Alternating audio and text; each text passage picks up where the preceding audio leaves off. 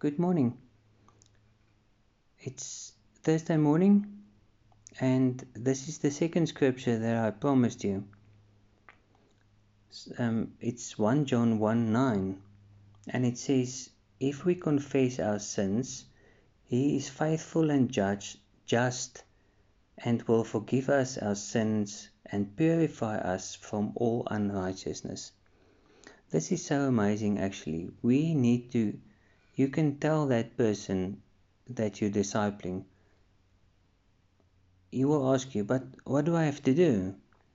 You know what? Just go somewhere where you're quiet and and and say, God, I'm busy with pornography, or I'm busy with uh, with al- alcohol, or I'm busy with my my neighbor's wife, or or whatever. Some whatever your issue is, whatever your your mountain is, um, and you can just tell it to God, give it to Him, and He will wash you clean. He will He will cleanse you of. He will purify you of of your sins, of of what you what you've done. I hope it helps you. Um, to, tomorrow we'll do the third one.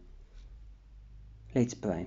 Father, thank you so much that you say you are a righteous God and you are you faithful and just and that you will forgive us our sins if we confess it to you.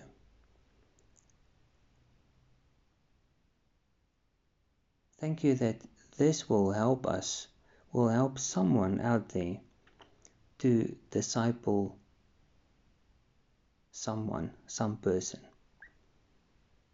Thank you for your amazing love. Amen. Shalom.